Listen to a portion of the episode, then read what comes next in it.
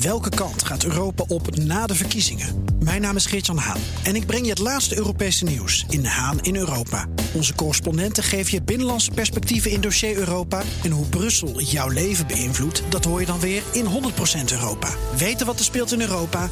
Luister naar de programma's van BNR. Hartelijk welkom bij de Technoloog. 100, 159. 159. En we hebben uh, Jarno Duursma als gast. Hallo. En we gaan het hebben over deepfakes. Onder andere. Hij staat hier echt. Ja, deepfakes, hè? Ja. Ik... Want wat er op dat gebied allemaal niet kan, daar word je warm en koud van. Ja. En vooral is het meer warm of meer koud? Dat vraag ik me wel af. Nee, ik beide. Ik ben neutraal erin.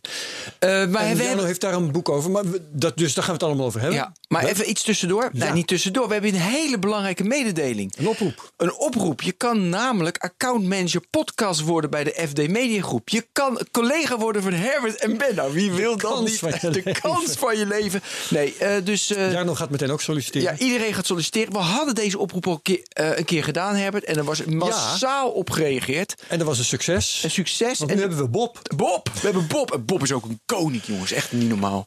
Maar je Precies. de collega en, ook van Bob worden. Ja, uh, want dat gaat daar zo goed met het werven van uh, sponsors en dergelijke voor podcasts. Dat Ja. er een, een, een Bob bij moet komen. Ja, wat moet je dan doen? Ik vind het leuk. Um, dus je gaat klanten, ga je ad, nieuwe klanten van de FD Media, ga je adviseren hoe ze in hun marketingmix voornamelijk podcast, audio on demand kunnen gebruiken. Dus je bent een bedrijf, noem ik daar, daarbuiten, Melior Logistics zie ik daar op een vrachtwagen staan.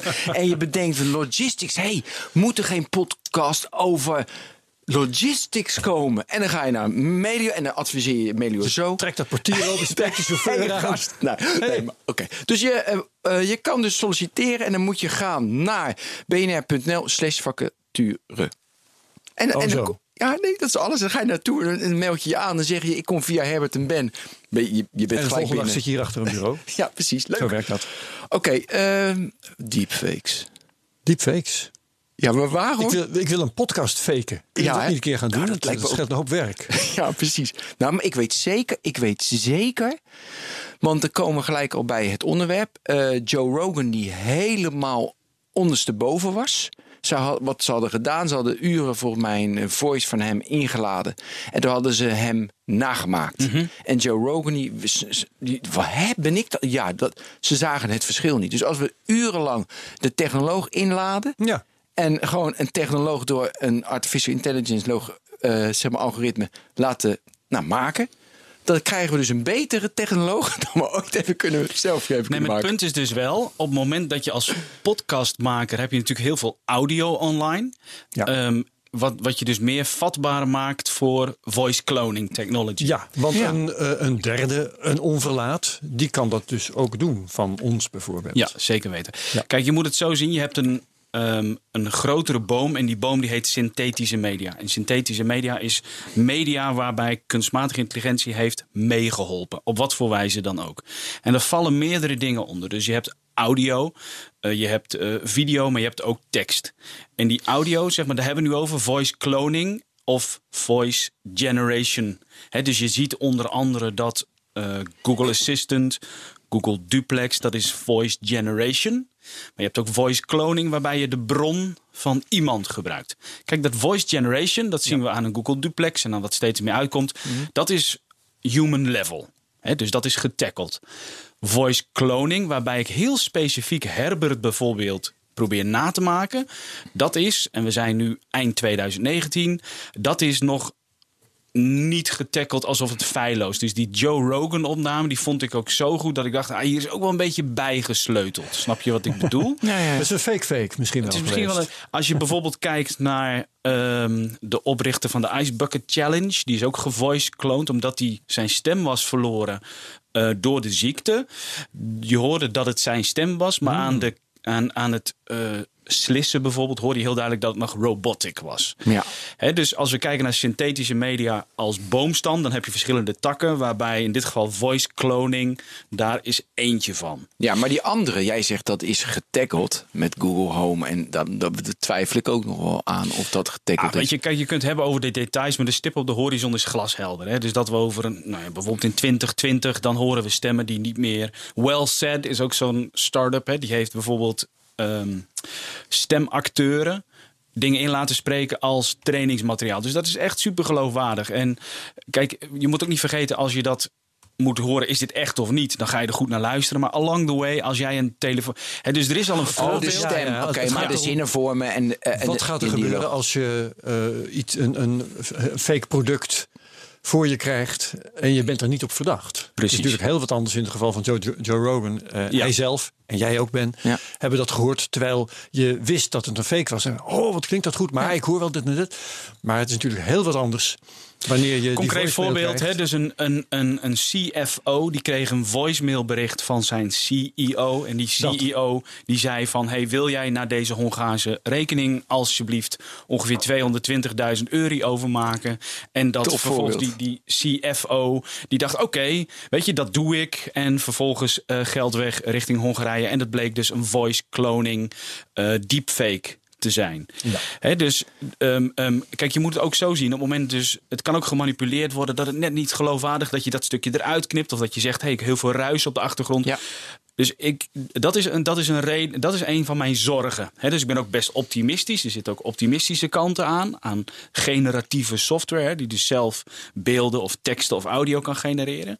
Maar ik maak me ook zorgen om bijvoorbeeld, nou in dit geval hebben we Ja, over dit. identiteitsfraude. En het positieve is dus, wat ik net als zei van, dan is de podcast beter dan wij ooit zelf hadden kunnen maken. Nee, omdat ik geloof dat een podcast en net zo. Nou, of Joe Rogan een dialoog of een, nee, niet een dialoog, Monoloog. een monoloog. Correct. Een monoloog wordt beter dan je ooit had kunnen verzinnen. zou Nee, kunnen. dat geloof ik helemaal niet. Nee, dat zou Nou ja, ik vraag, het is een vraag, hè? Het is Ja. niet een stelling. Nee, ik geloof. ehm, kijk, je ziet nu bijvoorbeeld toepassingen, dat is wel interessant. Je ziet nu bedrijven die ehm, maken eh, voorleesboeken voor eh, celebrities. Dus dat die stem wordt gekloond van een celebrity Ja. en dat hij een voorleesboek maakt. Dus die hoeft dan niet meer urenlang in de studio's en dan, dan, dan maak je dus op basis van tekst eh, een, Ja, ja. Een, een, stem na. Dat is ook nog niet perfect, hè? dat moeten we ook eerlijk, maar je ziet wel duidelijk waar dat dan eh, naartoe gaat. Maar dat is heel wat anders dan ook nog eens een keertje eh, die stem voorzien van inhoud. Nou, dat is echt een niet te is van wat de persoon achter die stem zou. En, en, en dus dat, is, dat, is, dat zie ik nog niet zo snel gebeuren. Ja, wil je ook even dat voice cloning, hoe dat technisch in zijn werk gaat? Dus ze laden, ik deed net even heel snel, maar ik wil even dat je iets specifieker wordt. Dus ze laden de stem van Joe Rogan, weet je, al dat materiaal in. Mhm. En wat doen ze dan? Nou ja, kijk, je moet het zo zien. Ehm, kijk, er zijn verschillende technologieën hoe je dat kunt doen als het gaat om audio. Ehm, wat nog even belangrijk is om te vertellen bij die generatieve software in het algemeen, is dat we te maken hebben met een doorbraak. En die, en die doorbraak is omdat er een nieuw systeem is bedacht door Ian Goodfellow. En dat systeem wordt steeds beter. Dus, die, dus dat heb je het over generative adversarial networks. En die worden steeds beter. Ehm, zelfs dus op zo'n moment dat ze beeld geloofwaardig na kunnen maken of audio of et cetera. Dus het is één technologie die zowel op beeld als op audio als op tekst toegepast kan worden. Correct. Hoe ja. werkt het? En dat, de- ik moet wel zeggen, dat zijn verschillende knikkers in een emmer, zeg maar. Dus het zijn allemaal knikkers, maar ze verschillen soms iets. Je moet het zo zien. Generative Adversarial Networks. Generative wil zeggen dat ze iets genereren. Ja. Hè, dus waarbij heel veel AI-systemen die kunnen inzichten, voorspellingen, maar die kunnen niet iets echt genereren. Tweede woord, adversarial. Vijandig. Dat betekent dat twee neurale netwerken in strijd zijn met elkaar. En de derde is dus network. Hè, In, van die- in ja, concurrentie. in concurrentie. Wie doet het het beste? Nou, daar zit de crux. Dus je hebt onder de motorkap heb je een discriminator. Een neuraal netwerk dat is getraind op voorbeelden. Bijvoorbeeld duizend foto's van hamburgers. Ik verzin maar wat. Ehm, het enige wat die discriminator kan uiteindelijk als het getraind is, is bepalen is deze foto echt of is die foto nep. Het tweede gedeelte, dat is de generator. En die generator die probeert die discriminator voor de gek te houden. Die probeert dingen te maken, te genereren, waarvan die discriminator helemaal aan het eind zegt: Ja, hey, twijfelt. dit is, nee, nee, dit is echt. Terwijl dat niet is. Dus zij zijn in strijd met elkaar, die We netwerken. gaan iets pro- proberen te maken dat wel nep is, maar niet als zodanig wordt herkend. Ehm, eh, dus dat die generator probeert hamburgers te maken, waarvan uiteindelijk die discriminator zegt: hey, dat, is, dat, dat, is een, dat zou een voorbeeld uit de database kunnen zijn. Ja, plaatjes van hamburgers. Ja, plaatjes, sorry, plaatjes van hamburgers. Maar dat is dus eigenlijk volledig nep. En hoe doet die generator dat? Die begint met random noise. Dus in het voorbeeld van de plaatje van een hamburger met allerlei pixels. Hè, dus die, die vuurt pixels af, random pixels. En in een, het, is, het is een samenwerkingsverband waarbij die discriminator ook een stukje feedback geeft over je zit in de buurt of die In wezen gewoon ruis dus. het is ruis. Dus Wauw, het begint met ja. ruis. En, en, en ze proberen in die onderlinge strijd, proberen ze elkaar, worden- maken ze elkaar steeds beter. Welk plaatje ruis lijkt het meest op een hamburger? Dat kan. eh, Nou, dat, is een, worden, dat ja. is een leuke samenvatting. En zo krijg je dus inderdaad een hamburger dat eigenlijk geen hamburger is. Net anders, maar je herkent hem als hamburger. Correct. En dan krijg je dus ook foto's van mensen die nooit bestaan hebben. Foto's van auto's die nooit Ja, bestaan ja, hebben. precies. Dat zijn die Foto's websites. allemaal voorbij zien komen. We allemaal voorbij Ja, zien boek, komen. ja. Ja. dus dat zijn de voorbeelden van. Dat trouwens heet machines met verbeeldingskracht. Dat had ik niet gezegd. Ja. En ehm, dus, dus een, een andere invalshoek van zaken die wij kennen als zodanig. Maar waarbij een machine een nieuwe invalshoek, een nieuwe afgeleide genereert. Waarvan dus de discriminator zegt: hey, dit is echt. Terwijl dat niet is. Wat is de input van een discriminator? Nou, dat zijn dus bijvoorbeeld foto's van hamburgers. Nee, want hij moet een andere type hamburger moet hij verzinnen. Nee, de discriminator, het eerste gedeelte, wordt getraind met trainingsmateriaal. Dat is de herkenner. Dat is de de herkenner. herkenner, ja. Maar uiteindelijk, nee, dus die variatie, dat wat, wat net anders is, dat is dus ook weer, dat is ook herkenningsmateriaal. Dat is ook weer hamburgers. Ja. Onbeperkt. Ja, Oké, dus- ik had ja. gehoopt omdat je zei al die pixels worden gevormd. Ik dacht, dan begint hij, heel raar, het begint hij met een gebouw en met een raam. Want dan kom je echt tot originele inzichten. Nee, want die discriminator die heeft als enige criteria... zou, wat ik nu Ja. zie... Kunnen behoren aan de database van die Duitse hamburgers. Het was niet way zo- ja, sorry. het is niet zo als je, dat, die, dat, die discriminator, dat die generator ineens iets totaal nieuws eh, verzint. Dus dat is ook de beperking op dit moment Maar nog. dat zou een mens dus wel doen. Want ik denk inderdaad gelijk, je begint met een gebouw. Want als je van een gebouw naar een hamburger gaat, nou dan heb je echt een paar stappen gemaakt. Maar let op, wat je dus ook met zo'n generative adversarial network kan doen, is dat je hem inlaat met duizenden foto's van een Airbnb-pagina. En dan gaat hij dat wel namaken. Dus dan genereert hij foto's van appartementen die nooit bestaan hebben. Snap je wat ik bedoel? En als je kijkt over een aantal jaar naar binnenhuisarchitectuur, dan is een generatief software tool die op basis van jouw wensen kan die dat bijvoorbeeld gaan indelen. Ja. Dus het is niet zo dat zo'n tool die jij traint op Airbnb-pagina's, dat die ineens foto's van koelkasten of foto's van een vogel gaat genereren. Hè? Dus ik zeg ook in mijn rapport: het is een vonk van verbeeldingskracht. Het is geen creativiteit. Dus als je verbeeldingskracht ziet als een schaal van 1 tot 100, zit deze software aan het begin. Dus ze maken variaties, Ja. nieuwe invalshoeken op wat wij reeds kennen. Ook op het niveau dat je tegen sommige van die GAN-systemen kun je zeggen: deze vogel heeft een kleine snavel en een rode, rode veren met grijs. En vervolgens maakt zo'n systeem honderden variaties waarvan je allemaal zegt: ja, het is inderdaad een rode vogel. Ehm, maar die maakt dus allerlei dus nieuwe input, nieuwe versnellingen van creatieve ideeën. Dus dan krijg je allemaal dingen die niet bestaan, maar wel kunnen dienen als ja, nieuwe input. En nu nog op visueel, op audio, maar ook steeds meer in materiaal science bijvoorbeeld. Hè? Dus het zou best zo kunnen zijn dat een nieuwe Sinas over een paar jaar wordt gegenereerd, een nieuw recept door zo'n systeem. Ja, want ik wil ook al vragen, dit is toch dezelfde technologie die ons eh, de bijna perfecte Go-computer heeft gebracht? Ik dacht dat het ook zo ging dat eh, twee, eh, ehm, twee van die nee, Zero. Go-software Dat dingen. was die tweede. Alpha Zero. Ja, want die Go was die Ja. eerste. Weet je, Nee, dat was gewoon... ja, reinforcement learning zat daar. eh, Ja, dat- nee, maar dat zat in maar- Zero. Ja. Dat was die ene podcast met eh eh Tijmen. eh, Aske Plaat ook. Oh ja, als gepland. Ja, uit Leiden. Kijk, en wat belangrijk is om, om te vermelden, zeg maar, is dus dat er eh, veel mogelijkheden ook zijn hè, bij die generative adversarial networks. Dus ik geloof dat ze ook heel veel nieuwe dingen gaan brengen. Een nieuwe vorm van creativiteit. En daarmee dus een soort ideeënmachine voor de mens. Hè, waarbij ze een aantal creatieve processen gaan overnemen. Eh, en ook een aantal creatieve processen heel erg versnellen. Omdat je met één druk op de knop soms suggesties kunt doen. waar je zelf niet zo snel was opgekomen. Ja, Ja, en er zijn ook voorbeelden van volgens Ja, mij. daar wil hè? Ik nu even een voorbeeld. Vind ik leuk. Ja. Maar we hebben natuurlijk Zero, weet je, dat hij zo, had hij een zet gedaan bij Go in Zero. Had hij een zet gedaan die echt voor iedereen dacht van al die grote Maar ik weet niet zeker of dat. Volgens mij waren dat wel ehm, competitieve neurale netwerken. Maar Ja? ik geloof niet dat dat een generative adversarial Je hebt gelijk. was. Je hebt gelijk. Dus het waren wel. Het, het, er zat een. Nou, ik moet hem terugluisteren, die eh, podcast. ik, ik, ik, Mensen, moet zeggen, jullie ook. Het is al een paar, een paar jaar geleden, dus ik ben niet, ook niet. Ik, weet, 2017 of ik, ik, ik, ik weet niet meer eh, precies hoe dat zat. Maar bij een generative, hè, daar wordt echt iets gegenereerd, zou ik maar zeggen. Dus nou goed, dat, dat, ik zou bijna zeggen, stop de tijd, dat zoeken we even op. Ja. Maar wat je dus moet begrijpen is dat het metafoor wat ik heel vaak gebruik voor die generative adversarial networks is tussen de kunstvervalser en de kunstdetective. Waarbij ze samenwerken om tot een hoger resultaat te komen. Zo moet je het zien. Ja. Dus die kunstvervalser Hoe probeert beter de vervalsingen worden, hoe beter de herkenningsmethoden worden om Precies. de vervalsing er toch nog Precies. uit te pikken. Dus dat is mijn eerste punt. En mijn tweede punt, zeg maar.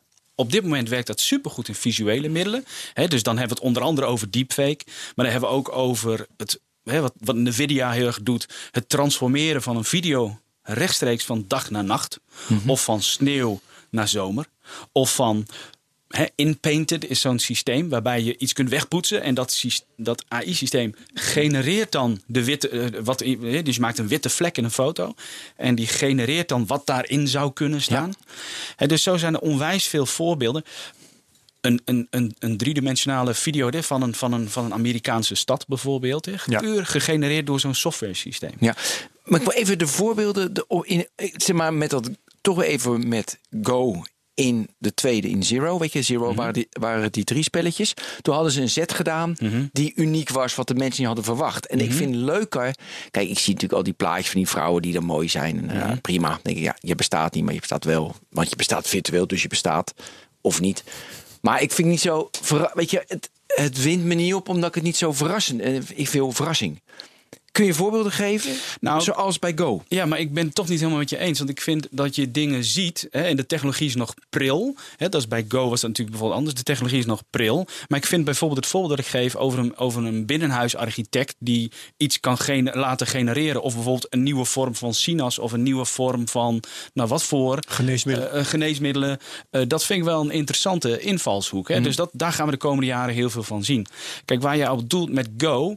ehm, is, die, is dat, bedoel je met die Z37 van die, eh, waarbij dat systeem een Z doet? En, Voor, mij was het, voor mij was het 36, maar ik ga mee met je met 37. Ja, en, nou goed, ik vind dat natuurlijk ook interessant hè, om ehm, te kijken waar doet een machine iets waarvan we als mensen gewoon dat niet kunnen doen. Ik geef je even het mooiste voorbeeld. dat Ik heb vaak gegeven, maar hij is zo briljant. Eh, die hoogleraar eh, die met die robot, eh, weet je, bezig was. Eh, met Pieter Jonker? Pieter Jonker. Ja, oh ja, ja, de- ik heb voor veel gegeven, maar, maar, ja. maar misschien ken jij hem niet, dus daar moet ik hem jou vertellen. Mhm. Eh, reinforcement learning met voetbalrobots. Mhm. Ze hebben hem geleerd elkaar niet aanraken, want dan val je om. Dus ze hebben Ja, dan simulaties krijg je rode kaart en zo. ja, nee, maar je valt om, Om- heb je zeker zelfs. verloren. Als je Ja, omvalt, ze zeker. elkaar nooit aanraken. Dus met reinforcement learning geleerd nooit elkaar aanraken. Simulaties, ze zetten uiteindelijk dat robotje in het veld. Wat doet die robot? Iemand aanraken? Rijdt direct naar de bank, gaat daar zitten. Ik val nooit om. Oh ja. Dus uit. Ja. dat hadden ze, de, weet je, een unintended consequence hadden ze nooit verwacht. Dus Nee. creatief van dat, eh, ja, dus, dus van het algoritme dat ze dat verzonnen dat we van het veld af moesten. Ja. Mensen konden dat niet verzinnen. Nou, Nee. Dat vind ik briljant. ik vind, dat, ik, vind dat, ik vind dat een interessant voorbeeld. Echt, maar het is, het is iets. Nee, kijk, wanneer wij software. En, en laten we het robot noemen, maar als we software de wereld insturen, eh, dan kunnen we, dan hebben wij zoveel blinde vlekken ten opzichte van de grillige wereld. Dat je, hè, dus eh, ik gebruik in mijn lezingen heel vaak het voorbeeld: als je een robot naar Starbucks toestuurt, dan moet je hem zeggen: je moet achteraan sluiten in de rij. Eh, je mag geen geweld gebruiken. Je moet nooit meer dan 20 euro, nooit min, eh, meer dan 20 euro voor een kop koffie. Dus je moet heel veel eh, meegeven en, en daar sluit jouw voorbeeld eh, ehm, eh, op aan.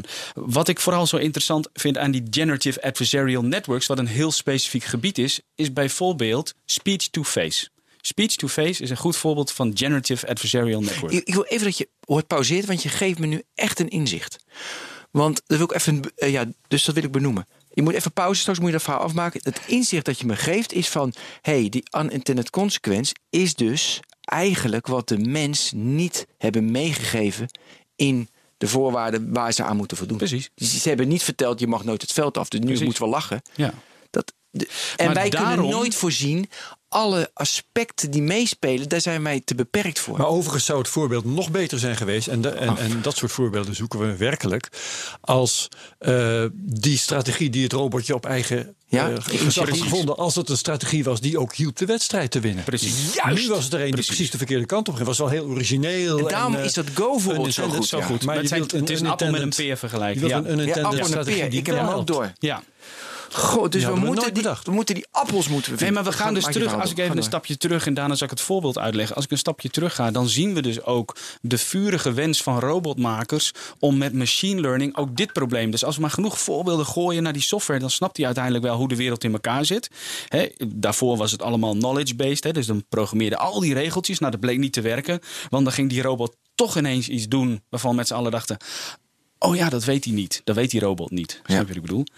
Nu nog even terug naar het voorbeeld speech-to-face. Heel Ja, goed want- voorbeeld. Eh, en daarna gaan we het ook even over deepfake, want anders dan sneeuwt dat onder. Speech-to-face is super interessant. Waarom? Het genereert beelden van mensen op basis van hun stem. Oké, dus dat systeem is getraind als volgt. Honderden uren talking heads. Hè, pratende mensen op YouTube. Nou, daar zijn er genoeg van, vloggers. En dat systeem ontdekt een verband tussen stem en, uiterlijk. Wow. Ja. Wat maakt dat nou zo interessant? Is dat zo'n generative systeem vervolgens dus ook iets kan genereren. Dus die kan niet alleen zeggen van, oh, ik zie dat ehm, eh, Aziatische mensen, dus het ging over gender, etniciteit, geschatte leeftijd, ehm eh, zwaarlijvigheid. Dus Juist, heel veel. Ja, ja, dacht ik ook aan. Ja, dus heel veel van die kenmerken. Dus als je, eh, dus het, die, eh, dat generative systeem genereert dus beelden van mensen op basis van het systeem. Dat is al heel interessant, spannend, griezelig. Maar wat, wat, wat, wat ik extreem boeiend vond, is dat mensen met een Aziatisch uiterlijk, die bijvoorbeeld dus al heel lang in Amerika woonden, dus ook een licht Aziatisch, dat systeem had dus ergens iets gevonden in die stem, waardoor mensen die ook Aziatisch uiterlijk hadden, maar gewoon al hun hele leven in Amerika. Ja. Kijk, dat vind ik ook interessant, hè, waarbij het is, het is een, een, een Z37 in het heel klein, waarbij die machine ons iets vertelt dat je zegt, "Maar dat is interessant. In de stem zit dus informatie over nou, bijvoorbeeld etniciteit, wat op, zich, op zichzelf helemaal eh, niet zo vreemd is. Nee. Eigenlijk, als Nee. je erop Ja, maar dan kan je het ontdekken. Dat is inderdaad een goeie. Interessant, ja. Maar dus ook bijvoorbeeld het feit dat je tegen zo'n systeem kunt zeggen: maak voor mij een afbeelding van een vogel met eh, rode veren, et cetera, et cetera. Ik kan me voorstellen in de toekomst dat bloggers bijvoorbeeld automatische afbeeldingen in hun headerfoto gegenereerd krijgen op basis van hun tekst, bijvoorbeeld. Of dat je in de toekomst in VR kunt zeggen: hey, ik wil Ehm, ik sta hier in een ruimte in een middeleeuws, bij een middeleeuws kasteel. En dat het systeem along the way, terwijl je iets vertelt, beelden genereert van in je VR-bril bijvoorbeeld. Hè? Dus dat is de kans van generative adversarial networks. Eh, maar heb je ook een voorbeeld eh, wat ik nu al gebruik en denk, holy fuck, wat goed. Want dat, dat is altijd fijn. Weet je, heel vaak is het ja, in de toekomst gaan we dat krijgen. Ja, leuk. Nou, er zijn dus heel veel van die voorbeelden al. Hè? Dus waarbij eh, mensen eh, volledig nieuwe eh, automodellen genereren. Voor mij is dat niet zo spannend, hè? want ik, heb er niet zo heel veel mee. Daar komt die Cybertruck vandaan. nu weet ik het. Misschien wel. Nee, maar je moet dus. dus ehm, ehm, kijk, wat ik vooral interessant vind, is dat die scheidslijn tussen echt en nep. dat die steeds dunner wordt. Hè? Dat we steeds minder weten. kunnen we onze ogen en onze oren online nog wel vertrouwen. Ehm, dat is een interessant eh, eh, spanningsveld waar we op dit moment Ja, in zitten. dat is een heel interessant spanningsveld. Ja. Dus dan gaan we. Dat is toch. Dan gaat het hebben over deepfake, hè? Ja. ja. Eh, ik vond, Herbert, jij had in jouw voorbereiding. vond ik een interessante. Ja, zo Echt waar? Ja, interessante vraag. Want je eerste vraag was gelijk op de diepte. Maar nu loopt mijn computer vast. Dus dat is ook mooi. Oh, nou, dan ga ik die vraag Ehm, even opzoeken. Ja, het gevolg van het bestaan van deepfakes is dat je niks meer gelooft. Dat, Ja. dat, was, Oké, dat klopt natuurlijk, maar ik Dat, dacht, dat is ook Jarno's hele punt volgens Ja. mij. Ja, dus eh, ik, ik, exact waar we nu. Ik schreef een. Eh, ik heb heel veel reactie gehad op een opinieartikel in de Volkskrant voor, voor de zomer. En die ging over de denkfout van deepfake. En de denkfout van deepfake zit als volgt. Er zijn heel veel risico's hè, bij deepfake. En, en deepfake in de brede zin. Hè. Dus eh, dan hebben we het over face-swapping deepfake. Hè, wanneer ik jouw gezicht ergens op kan plakken en jou iets kan laten doen Ja. wat je niet doet. Krijg je wanneer wraakporno ik, Ja, wraakporno. Wanneer ik Herbers stem gebruik en men iets laat zeggen in een voicemail. Of social engineering hack. Ik heb geld nodig, maak over naar... de- nou, die CFO zie je. Eh, ja, dan voor- zeg je, hey Ben, ik sta hier voor het hoofdkantoor van Triple. Eh, even gesproken berichtje, want mijn iPhone is gestolen. Ben, wat is ook alweer de toegangscode van Triple? Kun je eventjes... eh, hè, eh, Dat soort dingen. dat App het soort even, dingen. ja. Ja, app het even. Dus, eh, dus je hebt identiteitsfraude. Eh, je hebt chantage. eh, reputatieschade. Hè? Eh, we kennen allemaal die deep nude. Hè, waarbij je een foto van een vrouw door een generative adversarial network kunt laten omtoveren tot een blootfoto. Politicus die iets zegt wat helemaal niet kan. Correct. Alsof dus dat zijn met heel veel, eh, heel veel voorbeelden. er. Ja, dus reputatieschade, eh, chantage, eh, identiteitsfraude, sociale onrust heb ik nog niet eens genoemd. Hè, dus waarbij, eh, ik verzin wat, hè, ehm, ehm, dit, dit, een, een, bijvoorbeeld kick-out Zwarte Piet demonstreert bij de intocht van Stadskanaal. En, en de ochtend daarvoor duikt er een filmpje op, op geen stijl, waarbij een, een demonstrant van kick-out Zwarte Piet een kleuter een duw geeft. Is het echt gebeurd? Nee, dit is deepfake. Dit is een, Nee, maar het heeft op geen stijl gestaan. Nee, dit. dat zou, je- dat, zou, je- dat zou je wanneer je Dat dus. zou je kunnen Dat voorstellen. zou je kunnen voorstellen. Hè, dat je Even dus zo'n- oppassen dat we nu niet zelf eh, alle onrust gaan. ja, precies. Ja. Op ideeën brengen. Ehm, maar de denkfout van deepfake is dus dat mensen heel erg focussen op dat soort problemen. Wat goed is, hè, dus dat moet, blackmailing, dus dat is, dat is belangrijk.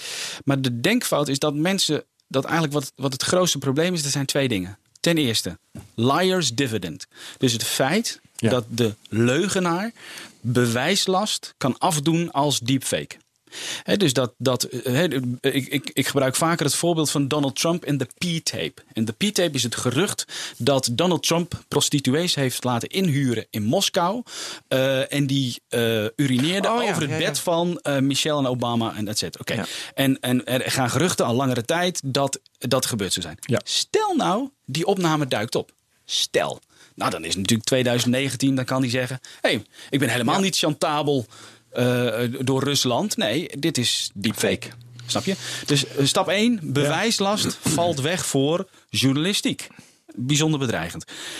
Ten tweede is dus reality apathy. Hè? Dus het feit, realiteit, eh, eh, apathie. Dus Geloof eh. Ja, die geloven niks meer. On, mensen worden onverschillig. Het maakt ze niet meer uit. En ze zijn tegelijkertijd vatbaar voor emotionele berichten. Hè? Woede, angst. We zien het eh, voorbij komen. Dus Maar zie je, ja, eerst de eerste. Is er veel bewijslast al weg? Eh, Is dat voorgekomen dat, dat iemand zei... Ja, dat is een deepfake video. Ik was dat niet. Eh, is, het, is het theoretisch een probleem? Of is het al gebeurd? Vooralsnog theoretisch volgens mij. Nou, Ja, ja, ik kan kijk, kijk, dat is natuurlijk lastig om te bepalen. Ik heb daar niet zo'n concreet voorbeeld maar in de- van. in het nieuws komt dan nog niet. Oké. Nee, maar ik heb wel een gek voorbeeld. Bijvoorbeeld in Gabon, eh, daar was een politicus en eh, die eh, was een tijdje, volgens mij was de minister-president, maar maakt niet uit, ik weet niet wie dat was. Die was al een tijdje niet meer zichtbaar geweest en er waren wat speculaties over zijn gezondheid. Vervolgens ehm, deed hij een, een, een toespraak op televisie. Waarbij mensen zeggen, nou dit ziet er wel echt raar uit. Wat doet hij vreemd? En dat is vast en zeker deepfake. Een week later greep eh, eh, militairen grepen in. Omdat ze zeiden van ja, maar er is, er is iets niet goed. En wat bleek nou? Hij had volgens mij iets van een, een stroke, een hersenbloeding. Of hij had iets gehad. Maar het was wel echt. Het was wel echt. Weet je, dus je ziet zo Ja. van die gekke mensen zeggen... Maar, ja, maar dat is meer reality apathy. Wat, wat, Ja. wat ik hier precies, eh, dat, dat wou ik precies te berde brengen. Ja. Eh, want jij zegt, eh, aan de ene kant geloven mensen niks meer. Aan de andere kant kan de, een leugenaar ook altijd roepen... dat was deepfake, zoals Trump van Ja. wat hem ook maar niet aanstaat... Ja. roept, het, was, het is fake news. ja. Eh, dus met andere woorden, die houding eh, en die apathie enzovoort... is er eigenlijk al lang. Wat kan deepfake daar nou nog aan toevoegen?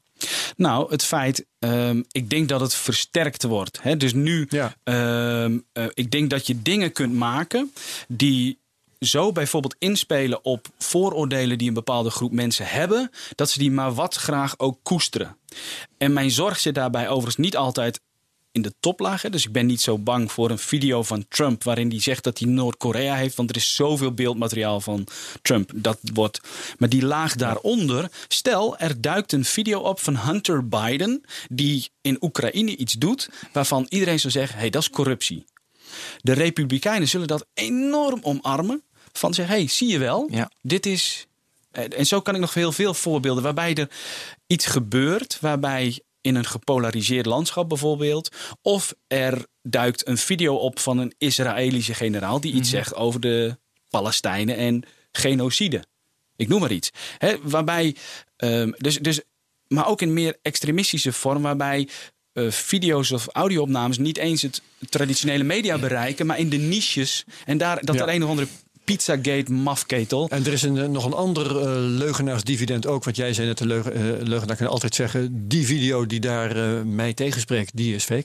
Maar er is nog een ander leugenaarsdividend. Dat is namelijk dat de verspreider van een echte leugen...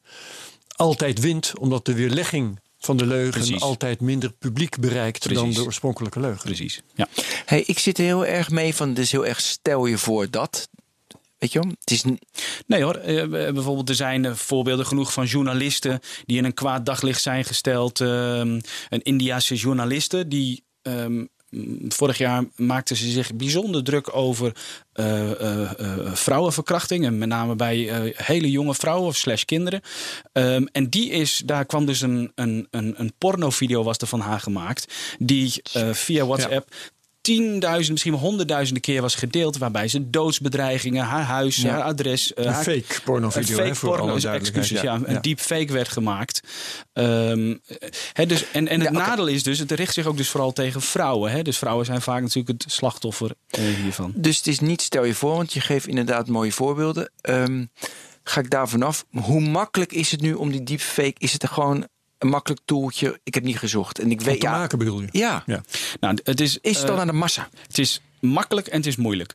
Wat het meest makkelijke is, is dat je gaat. Je googelt gewoon naar verschillende fora. waar je voor tussen de 40 en 70 dollar eh, een deepfake kunt laten maken. Hè, dus je, er zijn verschillende. Iemand in China doet dat dan Iemand waarschijnlijk. in Oekraïne of China of whatever. Iemand doet dat voor, een, eh, voor, voor x aantal dollar. En die kun je gewoon laten maken. Daar zou ik zelf de moeite niet meer voor doen.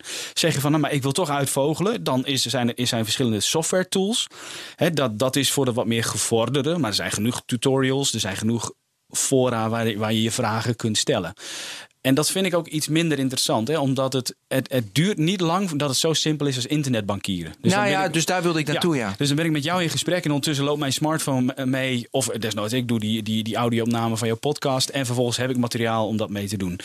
Ehm, als je, je hebt nu al voorbeelden waarbij één foto van iemand genoeg is om een relatief geloofwaardige deepfake eh, te maken. Die ook beweegt. Je, je, Die ook je beweegt, met ja. je handen Ja. bij de, terwijl je praat. Precies, Ja. dat is eh, digital puppetry. Hè? Ja. Dus waarbij jij, jij als, als bron iemand anders kunt laten bewegen. En, eh, dus dat, dat, dat bestaat. Maar zo'n face swapping, ja, dat is geen rocket science. Hè? Dus iedereen heeft wel een filmpje van meer dan 10 seconden online Ja, staan. dat zie je al gewoon. Ja. Je hebt van Ja. die appies. Ja, dus dat is, eh, dat is relatief Maar het is nu grappig nog. Ik zit een beetje use case te verzinnen. Het is nu heel veel grappig van, van, van die appies op je telefoon. Je hebt dus criminaliteit, heb je. Mhm. Je hebt professionele fake news of deepfakes makers die. eh, een- Mhm. Nee, maar wat Herbert zegt, eh, stel je voor, hè, ik heb een start-up en ik ga naar de beurs, eh, Amsterdam of New York of whatever. En eh, daar ehm, een, dag van tevoren duikt er een opname op waarin ik met mijn stem zeg dat er helemaal niet zoveel liquide middelen zijn als dat ik heb geschetst, bijvoorbeeld. Of eh, Herbert als, in zijn rol als journalist krijgt een, een broekzak voicemail, hè, waarbij iemand zogenaamd zijn telefoon heeft geactiveerd. Er loopt een, een hè, wat je nu ook wel eens hebt, dat iemand aan het broekzak bellen is. En ik, ik vertel bijvoorbeeld als directeur van, een, van Greenpeace, ik verzin iets ter plekke, vertel ik iets waarvan jij denkt. Potverdikkie, jongens. Daar kan ik wat mee. Daar kan ik wat mee. Ja. Hè? Ehm, en, en, en je slingert dat online. Nou, de verontwaardiging richting de directeur van Greenpeace zal groot zijn. De verontwaardiging naar de directeur van die start-up die naar de beurs gaat zal groot. En potverdikkie, wat Herbert ook zegt, je hebt drie dagen nodig om dat weer te ontkrachten. En eh, eh, het heeft zijn schadelijke werking inmiddels eh, gedaan. Maar ik ga het je toch wat, wat moeilijker maken. Want ehm, zodra algemeen bekend wordt dat dit soort dingen bestaan. En zoals nu ook langzamerhand wel algemeen bekend is dat eh, phishing bestaat bijvoorbeeld. En, en allerlei andere dingen via eh, malware. Ja. Ehm, dan gaat dat effect optreden dat niemand het meer gelooft in eerste instantie. En dat is precies wat je wil hebben in dit Ja, geval. maar hartstikke grappig dat je het zegt. Want het blijkt nou van een onderzoek van een maand geleden... dat de, eh, eh, het aantal phishing gevallen... Hè, waar mensen klikken op een link, gewoon weer toeneemt. Hè, dus dat heeft een tijdje af. En nu neemt dat weer toe, omdat die software intelligenter eh, wordt. Snap je? Dus het De wordt... malware wordt intelligenter bedoel je. Ja, nee, dus bijvoorbeeld de e-mailtjes die iemand krijgt. Klik, klik op deze. Die mailtjes worden, die worden Slimmer opgesteld. slimmer opgesteld laat ik het zo zeggen. Ja. Het blijft een kat-en-muisspel. Dus, eh, eh, en, en, en, en hoeveel mensen ik wel niet spreek die dan toch op een linkje hebben geklikt waar ze niet op hadden moeten klikken. Ehm, dus ik geloof dat een groot gedeelte wordt afgevangen door technologie. Ja. Dus dus dat, dat geloof ik dat dat gaat gebeuren. Ehm, ehm, maar er de, de zijpelt altijd iets, iets tussendoor, omdat het te goed in elkaar zit. Omdat het is een kat-en-muisspel. hè. Dus in het begin van deepfake, toen zeiden de oplossers: het enige waar je op moet letten, knippert iemand met zijn ogen.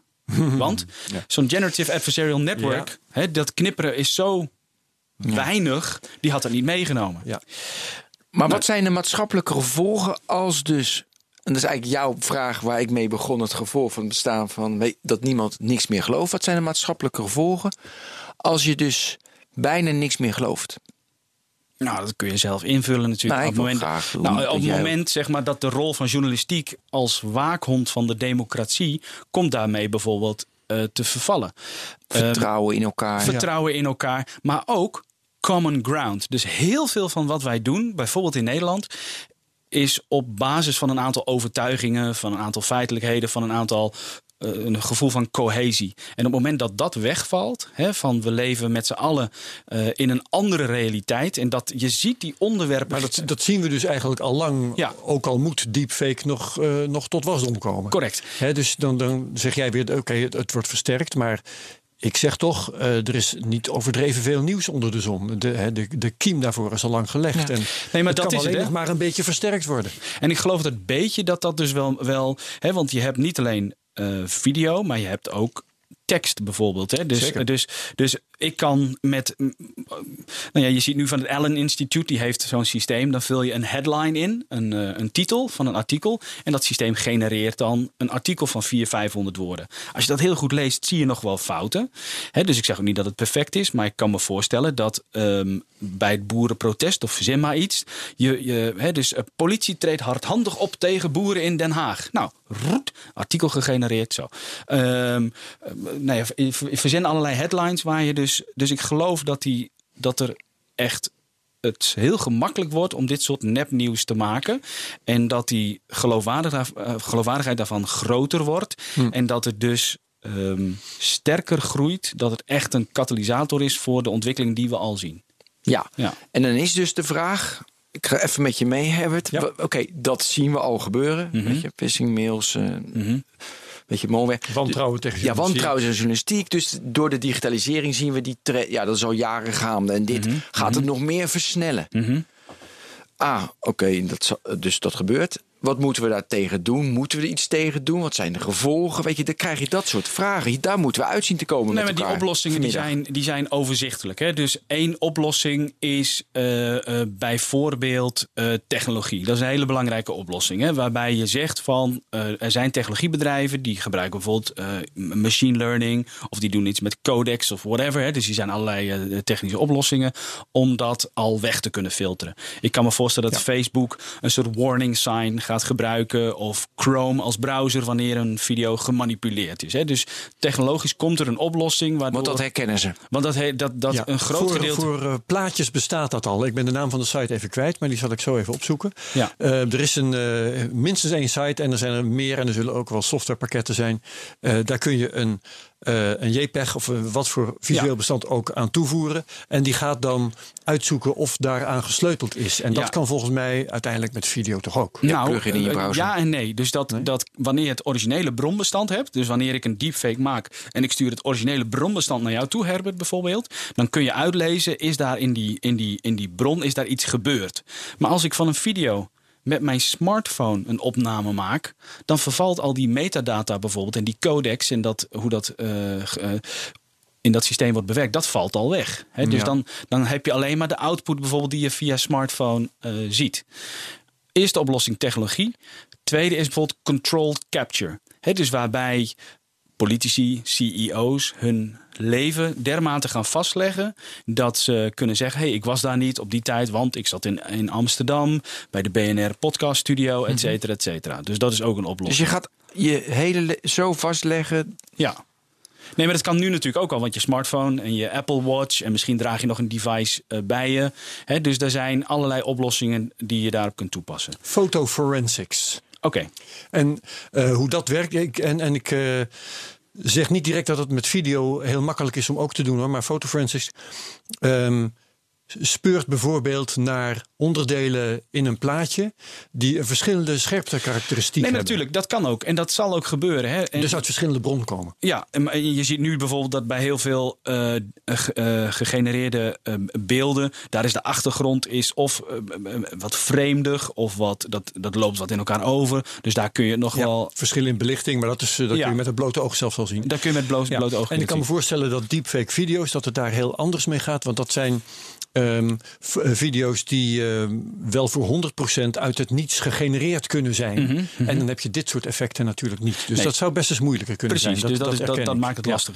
En om mijn laatste punt nog even te pakken, wat, Ja. wat je ook kunt doen, is dat je ehm, regelgeving. Hè, je zou theoretisch, Mhm. dat zie je bijvoorbeeld in Amerika en in China, zie je specifieke regelgeving over deepfake.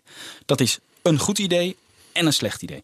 Waarom dat een goed idee is, is omdat je heel specifiek, wanneer jij een video maakt die mij niet aanstaat, dan kan ik zeggen: hey, dit is deepfake, dat mag niet. Ja. Waarom het een slecht idee is, omdat punt 1 al best veel regels bestaan over smaad, laster, identiteitsfraude, noem maar op. Dus dat bestaat al. En wat je nu in China ziet, is dat ze dus die wetgeving maken, natuurlijk met om dingen offline te halen die hun niet zinnen. Ja. Dus dat je zegt, oh, dit is deepfake. Oh, jij bent kritisch over Hongkong? Hé, hey, dit is deepfake. Snap je? Dus eh, ik ben Dus de- bijzonder de stok om de voorzi- hond te slaan. Juist, dus ik ben Ja. bijzonder voorzichtig. En je kunt ook educatie, hè? dus je kunt mensen vertellen: hey, dit is er. Maar dan is het de moeilijkheid dat je mensen niet onverschillig maakt. Dat je denkt: ah, als dat er is, nou laat dan maar zitten, dan geloof ik niks meer.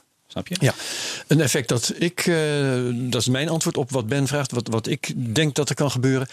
Dat is dat in ieder geval ehm, journalisten eh, hierop verdacht zullen zijn. Ja. En zeker goede journalisten. Je hebt natuurlijk ook slechte. Want eh, in, in- op het web in de 90s hebben we bijvoorbeeld gehad dat een een of andere eh, mafketel kon gewoon een persbericht de, de wereld insturen dat volkomen verzonnen was. En het verscheen op alle nieuwsites overal ter wereld, bij wijze van spreken. En, en beurskoersen gingen omhoog of omlaag. Al naar gelang de bedoelingen van de, de idioot. Maar goede journalisten die zullen hierop verdacht eh, zijn. En zullen hun, eh, als, als ze één zo'n gefaked bericht, één zo'n gefakte video krijgen. Dan zullen ze echt wel zeggen, oh, hier moeten we toch even gaan checken. Even kijken Ja. of er een onafhankelijke bron is enzovoort. Wat je toch altijd al moet. Ja. En mijn, waar ik dan op uitkom, dat is dat eh, des te belangrijker wordt wat de bron is van een bericht. Hè. Staat het in een gereputeerd nieuwsmedium, dan kun je ervan Ja. uitgaan dat het uit en na gecheckt is. Ja, dus wat, wat de kans is zeg maar, voor eh, traditionele media, is dat ze nog meer inhaken op geloofwaardigheid, eh, feitenonderbouwing, hoor en wederhoor. Dus dat Ja. er eigenlijk ook een kans ligt voor zeg maar, de meer gerenommeerde media om hier nog meer hun geloofwaardigheid in te onderscheiden. Ja. Dus dat kan een absoluut positieve, wat ook een positief gevolg zou kunnen zijn, is dat mensen meer mediawijs worden. Dat ze denken, hé, hey, Ja. er is deepfake. Laat ik dan eens even bronnenonderzoek doen. Even kijken waar dit vandaan komt. Op onderzoek. Nou, ik heb voor mijn, voor mijn boek eh, heb ik eh, ontzettend veel mensen geïnterviewd. En er was niet één die zei, oh, ik zie mensen dat wel doen. Dus dat is, dan moet ik even als voetnoot Nee, moet ik er even bij zeggen. Want ook nu eh, zeggen mensen, ja, maar dat heb ik op Facebook gelezen. Dus dat, op internet hebben ze het gelezen. Op internet. Op Ja, internet. Nee, op Facebook zetten zeggen ze Oh, ja. tegenwoordig hoor. Ja. Maar goed, eh, whatever. Nee, Ja. nee dus eh, ehm, eh, wat je ziet, hè, dus de, die, de, de, de, tools genereren veel kansen, veel mogelijkheden. Eh, maar die donkere kant, zeg maar, die zit er ook aan. En ik denk dus niet dat dat ineens een heel nieuw iets, maar dat het vooral een bijzonder krachtige versterking is van wat er nu al is. Hè, waarbij mensen schaamteloos eh, eh, video's gaan genereren van dingen die gebeurd zijn om nou ja, mensen maar mee te trekken naar hun kamp of naar hun mening. Ja, het wordt een leuk spelletje. Eh, je kunt het waarschijnlijk straffeloos proberen. Ja. Tenzij je het strafbaar maakt. maar Behalve er kinderporno, zeg maar. Dus je kunt alles proberen, behalve eh, iets met kinderporno. Hey, nu Ja. kost het best wel moeite om weer een mooie video te maken of een, eh, een mooi stuk te schrijven. En d- Dat Ja. wordt dus allemaal heel makkelijk. Dat wordt makkelijk. Sterker nog, wat, wat makkelijker wordt, is eh, autocomplete en autocorrect software. Op basis van tekst. Dus bijvoorbeeld, ik moet een artikel schrijven over VeChain, een of andere crypto. Oké. En ik denk, oh ja, heb ik eh, goh, geen tijd en moeite. Dus dan, dan, dan er, er komt dan software op de markt waarbij je van Wikipedia en van de eh, bedrijfswebsite en nog een eh, andere. Je plukt allerlei dingen en die zet je bij elkaar. volgens mij al. Ja. En die software die herschrijft dat dan dermate dat je eh, eh, vrijgewaard wordt van plagiaat, zeg maar. Hè? Dus die, die, die begrijpt tussen aanhalingstekens iets en die herschrijft dat dan vervolgens. Dus content wordt steeds makkelijker eh, om te maken. Ja. Wij hadden een Afrikaan eh, een tekst laten schrijven om te kijken hoe dat is. En die had precies dat gedaan. Oh ja? En dan hadden we door zo'n script hadden Ja. heen gedraaid. En Ja. ook knap, jongen. Doet hij dat natuurlijk ook. Dus gewoon een hoe origineel is het? Maar de tekst vonden wij niet goed. Een mens Nee. vond dat geen fijne tekst. Het was te veel gefabriceerd. Ja, maar die, die suggestie van, eh, van autocomplete, hè, die gaat bijvoorbeeld ook voor coders, hè, dus voor programmeurs Ja, die eh, aan, Ja. aan typen zijn. Ja, die, die, op het moment dat het weer een zin is die bekend Ja. is, het enige wat je hoeft te doen de tabtoets en hij, Ja. hij vult dat vervolgens eh, zelf in. Ik wil ook nog, als het kan, naar de verbeeldingskracht iets meer uitwerken. Je hebt bijvoorbeeld in jouw boek heel mooi, weet je, dat die velgen heb je en een lamp wat gegenereerd wordt. Ja. Dat is de, we hebben heel erg over de negatieve, de gevaar, gevaar, Ja. gevaar. We hebben de oplossingen voor het Ja. gevaar. Misschien is het nu ook aardig om iets meer dieper op in te gaan. De mogelijkheden. De, Ja, dus de mogelijkheden is bijvoorbeeld ligt vanzelfsprekend in ehm, het genereren van nieuwe visuele ideeën. Dus dat heb ik zojuist al, hè, met Ja. een storyboard, met een eh, inrichting of zo. Eh, waar jij naar refereert is generative design. En generative design is een een combinatie van meerdere tools. Heel veel machine learning, maar er zitten nog wat andere tools onder de motorkap.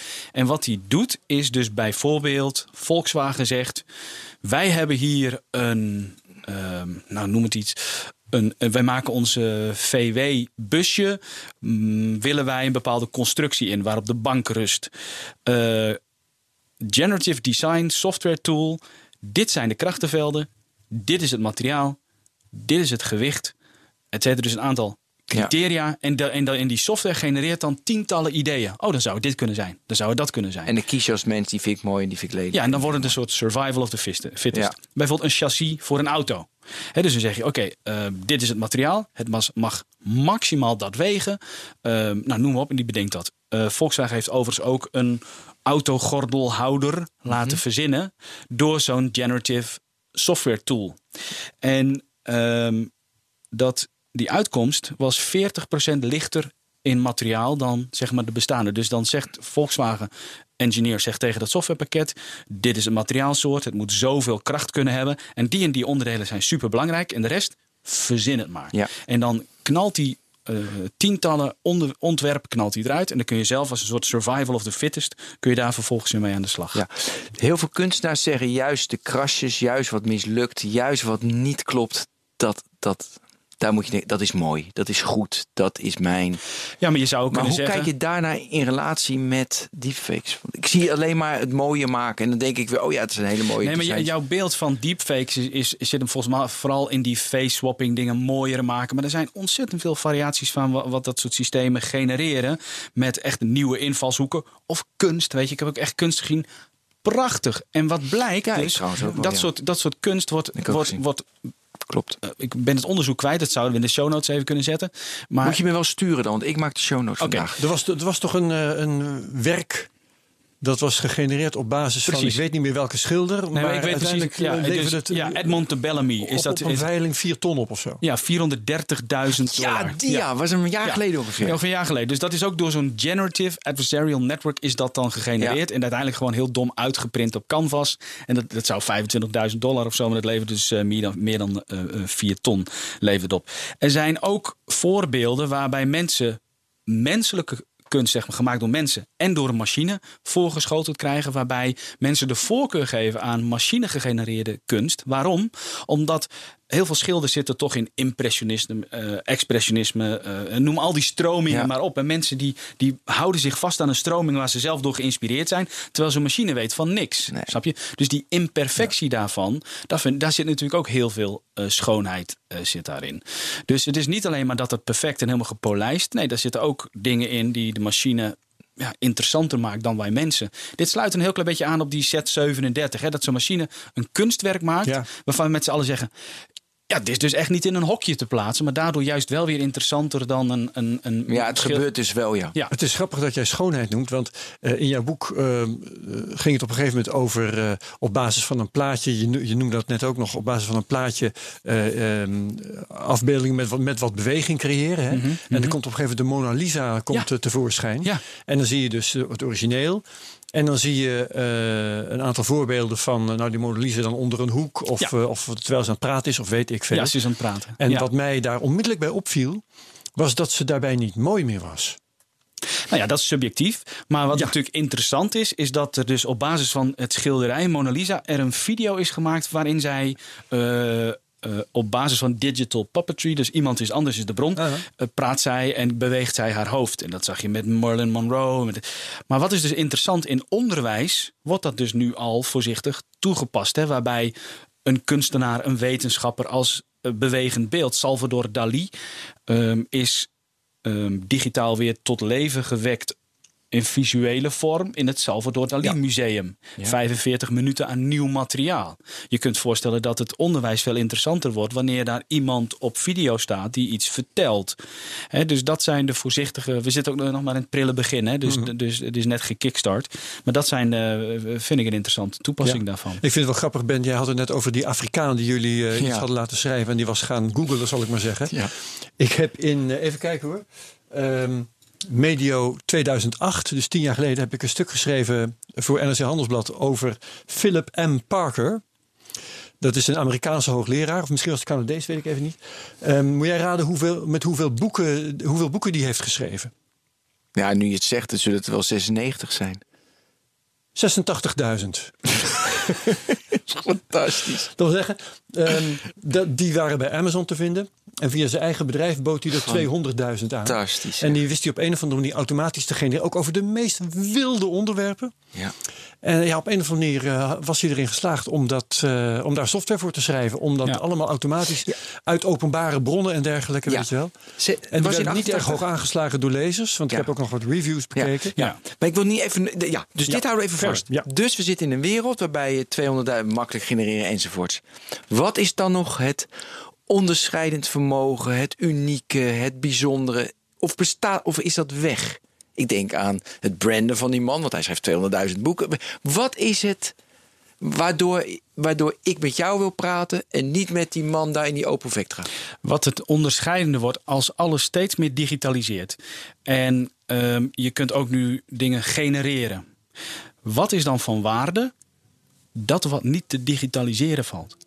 En Ja. dat wat niet te digitaliseren valt is menselijk contact, Ja. face-to-face gesprek, hechting, aandacht, concentratie, liefde. Al die dingen die niet te digitaliseren zijn, dat zijn de waardevolle, de luxe producten van de toekomst. Creativiteit noem je niet, dat vind ik mooi. Nee, omdat... Nee, dat is een twijfelgeval in. Dat is Ja, een precies. twijfelgeval. Ja, ja, ja, maar en, daarom oh, eh, ik ja, ik, ik, ik, dit is echt even goed dat we dit nog even noemen. Want er zijn eh, mensen die zeggen, ja, creativiteit wordt overgenomen door machines. Dat vind ik een hele grote.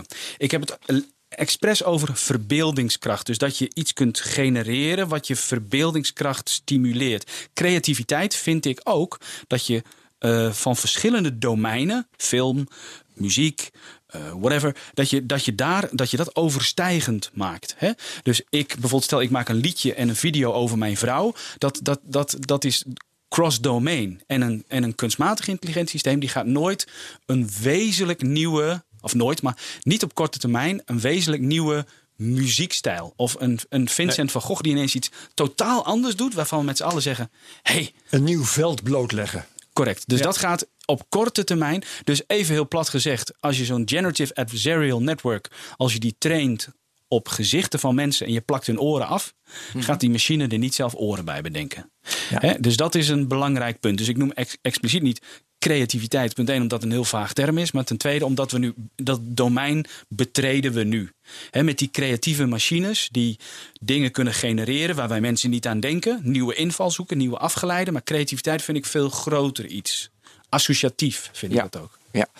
Ehm, je hebt heel veel mensen gesproken ook voor je boek. Hè? Jelmer Frank Wijnia, Joost Schellevis, Siri Berends, noem maar op.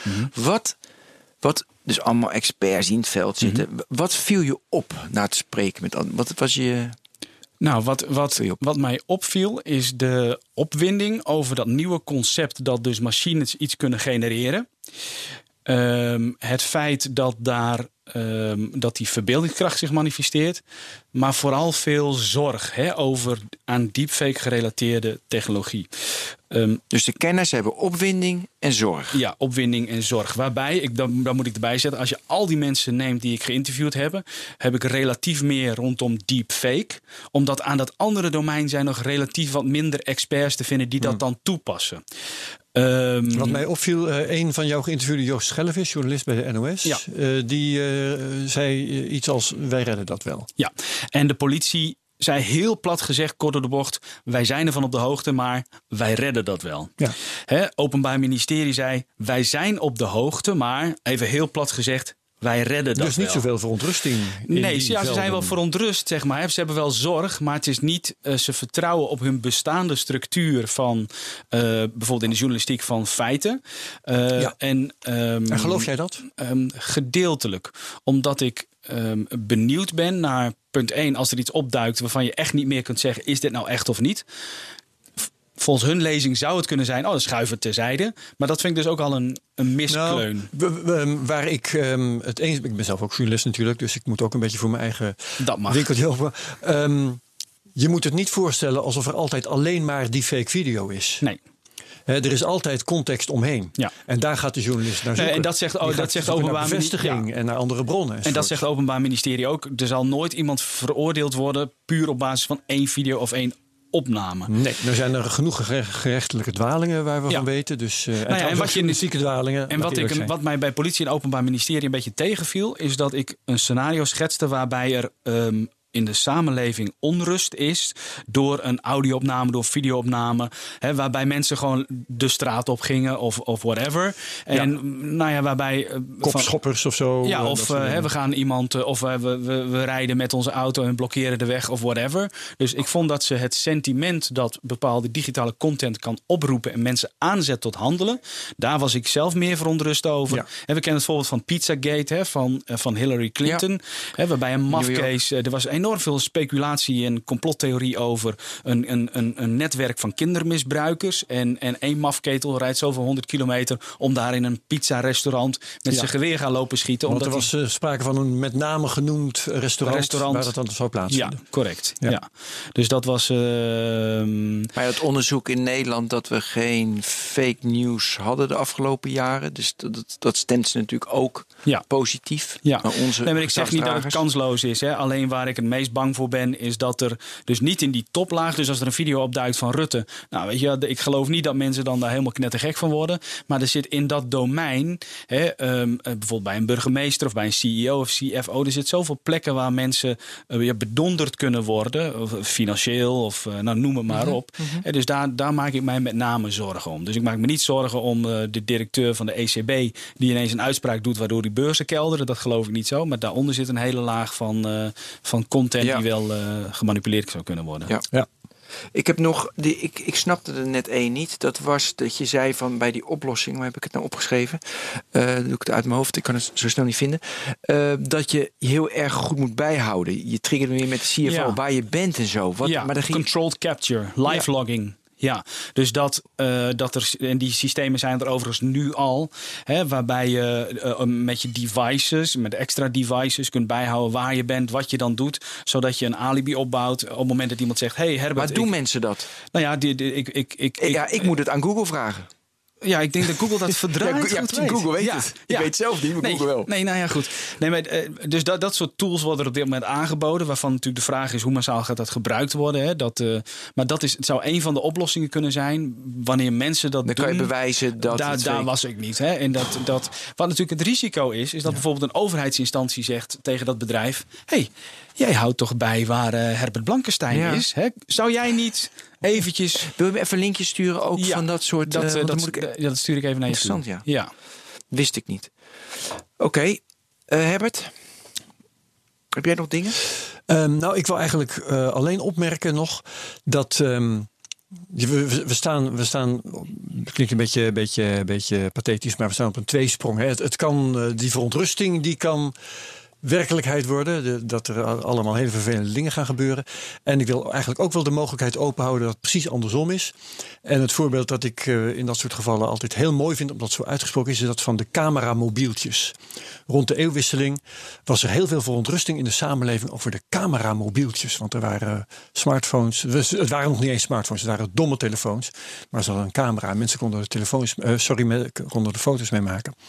En dat konden ze in cafés waar mensen zich zaten te bezatten, zonder toestemming foto's maken. En dat konden ze in zwembaden en ik weet niet waar allemaal. En eh, er wa- was een serieuze discussie over dat alle, of, of dat allemaal wel mocht, moest mogen. Weet je wel? En die hele discussie is volkomen vergeten. Omdat de samenleving zich er gewoon op heeft ingesteld. Er zijn mensen met een lens in hun telefoon. En er worden niet alleen foto's gemaakt, er worden ook video's gemaakt tegenwoordig. Ja, maar punt 1. en zo'n groot probleem is het al lang niet meer. Nee, maar punt 1, 2000 was, had je natuurlijk nog niet de, de uitbreiding van het internet. Je had nog geen social media. Je had niet is eh, on-device, dat mensen continu. En het feit dat wij ons daaraan aangepast hebben, vind ik dus ook niet per saldo een goede ontwikkeling. Mhm. dat mensen steeds om zich heen kijken van ja, is er iemand...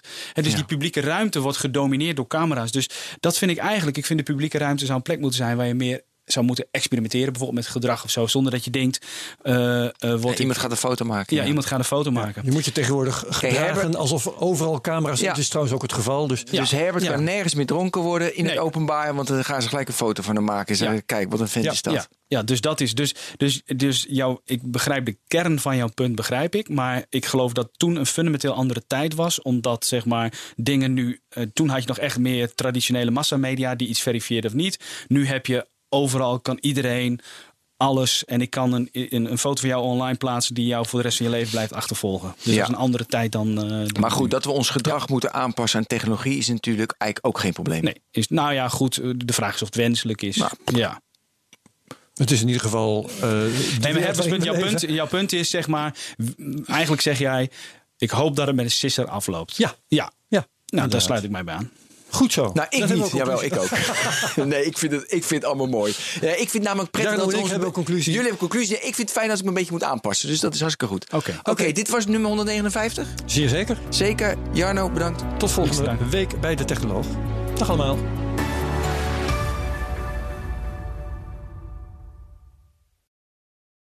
Ook Liesbeth Staats vind je in de BNR-app. Ja, heel handig. Luister live naar Kees en mij tijdens de Daily Move. Dan blijf je ook gelijk op de hoogte van breaking news en het laatste zakelijke nieuws. En daar vind je ook alle BNR-podcasts, waaronder de Perestrooikast. Download nu de gratis BNR-app en blijf scherp.